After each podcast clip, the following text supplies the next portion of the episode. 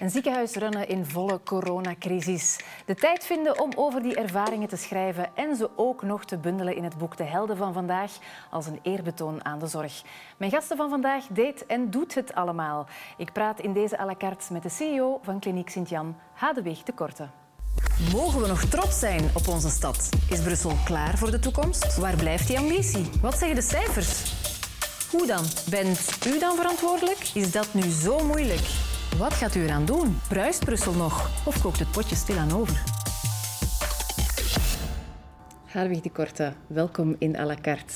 Goedenavond. Ja, we doen het met mondmasker vandaag, dus we gaan eh, goed articuleren en eh, onze ogen laten spreken, hè, want dat kan ook nog altijd. Maar hoe gaat het met jou? Heel goed, dank u wel. En met het team van Sint-Jan? Uh, ja, we, doen het goed. We hebben net uh, de kerstperiode gehad. Dus uh, iedereen, alleen niet iedereen, maar met enkelen toch wel wat, een beetje rust kunnen nemen. door de omstandigheden in kleinere bubbels. Dus dat zorgt ook wel voor extra rust. maar wel ehm, ja, klaar of, of, of bereid om de volgende stappen te zetten. Uh, want... Ja, want die volgende stap, de besmettingen zijn weer aan het stijgen, de cijfers zijn aan het stijgen, zeker in Brussel. Mm -hmm. Er wordt ook wel meer getest, onder andere in het uh, Pacheco Testcenter, dat samenhangt met Kliniek Sint-Jan. Ja. Um, vrees jij een derde golf? Ja, ik denk dat wel. Ja, ik denk, we zijn er altijd van uitgegaan, al bij de, bij de eerste, hè, op weg naar de tweede, nu ook naar de derde. Uh, je kan je daar nooit helemaal op voorbereiden, maar wij zijn er toch wel van overtuigd dat we nog naar een derde golf gaan, ondanks het feit dat er veel perspectief is. Uh, met terugkeer van de vakantie uiteraard. En we zien dat vandaag ook in de cijfers dat mensen die getest worden, dat er toch wel veel uh, meer positieve zijn. En we weten ook uit de eerste en de tweede, meer positieve gaat ook aanleiding geven tot meer ziekenhuisopnames. Ja, want dat is op dit moment nog niet het geval, hè? Dat is nog niet het geval. Dat is nog niet het geval. Het loopt altijd voor. Hè. Eerst uh, meer uh, positieve testen en dan meer ziekenhuisopnames. Dus in die zin kunnen we ons daarop voorbereiden. Mentaal is het altijd een beetje moeilijker, maar ik denk dat we ons wel echt klaarmaken uh, voor de volgende golf. Wat betekent dat dan ook heel concreet? Dat we bijvoorbeeld onze, de fase waar we vandaag in zitten, gaan we aanhouden, de fase 2a. Zelfs als het misschien in eerste instantie niet nodig is. Maar om niet dat yo-yo-effect te hebben en helemaal af te bouwen en opnieuw helemaal uh, op te bouwen. Maar de uitdaging blijft, zoals ook in de vorige golf, dat we zelfs als er meer verwacht worden, dat we toch die reguliere zorgen, en we kunnen maar blijven erop insisteren, uh, blijven aanbieden. Want ja. dat is altijd het grootste schakelpunt natuurlijk. Hè. Ja, ja, want dat heb ik begrepen uit het boek dat je ook geschreven hebt. Het eh, gaat om heel veel organiseren, reorganiseren. Absoluut, Gaan we het ja. nog wel over hebben. Ja, het vaccineren is ook gestart. Biedt dat uh, een beetje ademruimte? Um, ja, voor, voor de ziekenhuizen biedt het geen ademruimte in termen van werk. Maar ik denk voor ons allemaal, uh, zeker voor de ziekenhuizen, voor mezelf persoonlijk en ik hoop voor iedereen anders, dat we vandaag echt perspectief hebben. Hè. Uh, dus begin van het jaar is toch wel met een positief perspectief. De vaccins zijn er en we kunnen ze, uh, we kunnen ze zetten. Dus ik ben zeker optimistisch. Uiteraard gaat het niet in dagen en weken zijn. We gaan nog enkele maanden daar, daar, daarin zitten. En voor de kliniek betekent het, zoals dat we al vele keren hebben gedaan, dat we ons nu al vast aan het organiseren zijn om zo snel en zo goed mogelijk aan iedereen de vaccins te gaan toedienen. Voor ons eigen personeel. En we zijn ook samen aan het werken met de regio, hè, Brussel, ook de GGC en de kabinetten, om te kijken hoe kunnen wij ook ons steentje bijdragen in de vaccinatie van alle Brusselaars en mensen die passeren uh, in Brussel. Ja, en weet je wanneer jij al een prik kan laten zetten? Um, wanneer ik exact een prik ga kunnen zetten, dat weet ik niet. Ik weet wel dat ik in de derde of in de 2-1B-fase zit. Na de woonzorgcentra en het uh, medewerkers van de woonzorgcentra is het aan het ziekenhuispersoneel. Ook daarin zijn twee groepen. De mensen die in nauw contact zetten met de patiënten, die krijgen uiteraard de voorrang. En dan de medewerkers die uh, ook in de ziekenhuizen of in de zorg werken, maar niet in eerste lijn. En ik behoor persoonlijk tot die tweede uh, groep, uh, uiteraard. Ja. Ik denk dat we dat mogen verwachten naar het einde van de maand. dat we echt volop inzetten op ziekenhuispersoneel. dus eind januari, begin februari, denk ik dat we daar wel door zijn. Ja, of dat, we gaan ons dat, dat biedt perspectief, inderdaad. Absoluut. Maar wil iedereen van het personeel zich laten vaccineren of heeft u daar geen zicht op? Ja, we hebben daar wel uh, zicht op, hè, want het is uh, uh, absoluut belangrijk. We weten dat we een of we gaan ervan uit dat we 70% vaccinatie nodig hebben om eigenlijk die groepsimmuniteit te hebben. We weten ook dat er vragen blijven zijn. En dus we zijn een sensibiliseringscampagne begonnen in het ziekenhuis om mensen te vragen, wilt je u vaccineren, wilt je niet vaccineren of weet je het nog niet? En daar zien we toch dat veel mensen eigenlijk antwoorden. En dat ik heel positief ben dat toch een groot deel uh, echt vandaag positief inschrijft op die vaccinatie. Er is ook nog 20, 25 procent die vragen heeft. En dus samen, uh, we kijken met die, met die mensen die nog vragen hebben, hoe kunnen wij hen toch ook sensibiliseren om naar die vaccinatie te gaan. Ja. ik ga even terug naar de eerste golf, want toen heeft u dat boek geschreven. Um, je hebt toen je kinderen, je drie kinderen, ondergebracht in zogenaamde pleeggezinnen. Um, waarom heb je die beslissing genomen? die beslissing is natuurlijk niet genomen uh, van dag één. Ik ga die twee maanden en een half gaan, uh, gaan onderbrengen. Ik herinner het mij nog als van gisteren dat we na de krokusvakantie destijds, dat was dan uh, midden maart of eind maart, ik wil er vanaf zijn.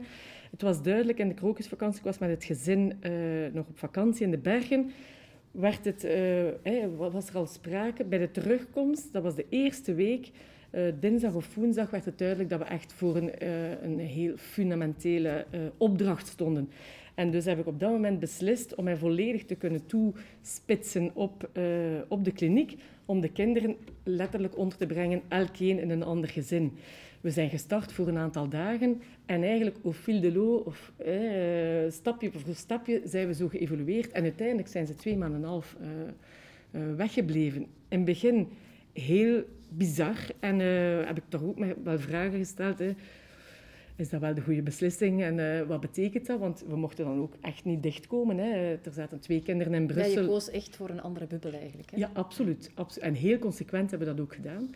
Dus ik heb ook mijn kinderen niet uh, ja, van dicht gezien in die twee maanden en half. En hoe was dat voor hen? Uh, in het begin een beetje bevreemdend, maar de kinderen zijn wel, die zaten in goede huisgezinnen met vriendjes van hun. Dus eigenlijk hadden die ja, een, fijn, een fijn leven. Hè? Dus zij, hadden, zij maakten van alles mee. Ze waren samen aan het spelen uh, of samen dingen aan het doen. Dus ze zijn niet gebukt gegaan onder, uh, ja, onder zware, onder zware hoe zal ik het zeggen, uh, beslissingen die zouden moeten genomen worden. Dus zodra dat, dat duidelijk werd, en dat ik dat ook heb uitgelegd waarvoor dat ik mij moest toespitsen op de kliniek, en dat ik zag dat zij er alleen maar goed in waren, was het ook voor mij nog makkelijker ja, uh, om het te doen. Uiteraard. Ja. Wat vond je zelf het moeilijkste aan die periode dan? Um, het moeilijkste aan die periode... Ja, ik denk dat... Ik zat op positieve uh, adrenaline. Is dat er natuurlijk veel... Het is niet voor iedereen, uh, voor, ons eigen, voor ons eigen personeel. Ik denk het echt moeilijkste dat ik geleefd heb, is de, um, het niet aanwezig zijn van het benodigde beschermingsmateriaal um, in het begin van de crisis. Uh, dus naar het gezin toe en naar de anderen geen moeilijke zaken, maar het feit dat, al die, um, dat er niet voldoende mondmaskers waren, dat we niet wisten of je ze moest dragen of niet moest dragen, dat was eigenlijk ook het moeilijkste, omdat dat voor het meeste zorg en vragen stelden ook voor het personeel. Ja, ja, absoluut. En nu weten we eigenlijk meer. We weten, gelukkig. Hè. Uh, elke golf is, is nu groot gezegd, maar elke periode waar we doorgaan, is voortschrijdend inzicht. Leren we bij, uh, weten we meer, weten we minder, passen we aan. Hè, want er is enorm veel flexibiliteit nodig van de organisaties, van iedereen die meewerkt, maar ook van ja, experten uh, en andere politici die beslissingen moeten nemen. Dus het is vooral zaak om aan te passen en met voortschrijdend inzicht uh, dat zo snel mogelijk te implementeren. Ja. Even naar jouw boek, hè, De Helden van Vandaag. Ik ga het even tonen ook. De Helden van Vandaag, geschreven door Hadewig de Korte. In het Nederlands en het Frans. Ja. Um, het is uh, een tijdsdocument eigenlijk. Want ja, bon, uh, er kwam een bijzondere periode aan waar jij dus over geschreven hebt. Maar het is ook een lofzang op jouw personeel. Absoluut. Of in het breder naar alle zorgpersoneel. Wat bewonder je het meest in hen? Als we het hebben over personeel, wil ik even zeggen, het zijn de medewerkers. En het gaat uiteraard over de zorgmedewerkers. Dan denk ik aan artsen, verpleegkundigen. Maar we mogen echt niet vergeten dat ook logistieke mensen, poets uh, en iedereen even uh, belangrijk is. Wat bewonder ik het meest, uh, en dat komt daar zeker, hoop ik ook, in uit, is de veerkracht die, die ze allemaal toch wel hebben. En ja, we hebben heel moeilijke momenten gekend. We gaan er nog, we gaan er nog kennen. Maar uiteindelijk, ehm, in elke omgeving staan de mensen toch wel op. En we kunnen een keer onder ons wenen of boos zijn of ongerust zijn. Maar iedereen is opnieuw, elke dag opnieuw opgestaan om uh, er tegenaan te gaan. En ook vandaag gaan we dat doen voor hetgeen dat komt. En dat is ongelooflijk. Al zoveel maanden lang ondertussen ook. Zoveel maanden lang, ja. ja. Want ik kan mij voorstellen dat bijvoorbeeld ja, jonge verpleegkundigen, ik zeg nu maar iets, iemand die net is afgestudeerd, die in zo'n coronacrisis wordt gegooid, mensen ziet overlijden ook, dat dat niet altijd even evident is. Absoluut, ja. Eh, dat is helemaal niet evident. En ik denk dan minder aan de eerste, maar zelfs de eerste wisten we het niet. De tweede is toch nog wel zwaarder geweest dan de eerste uh, achteraf. We, hebben net, we zijn nooit niet zo ver gekomen, maar ja, op een bepaald moment dachten we dat we misschien op een bepaald moment moeten gaan beginnen kiezen als er echt te veel mensen zijn. En dat zijn wel zaken die uiteraard heel zwaar wegen.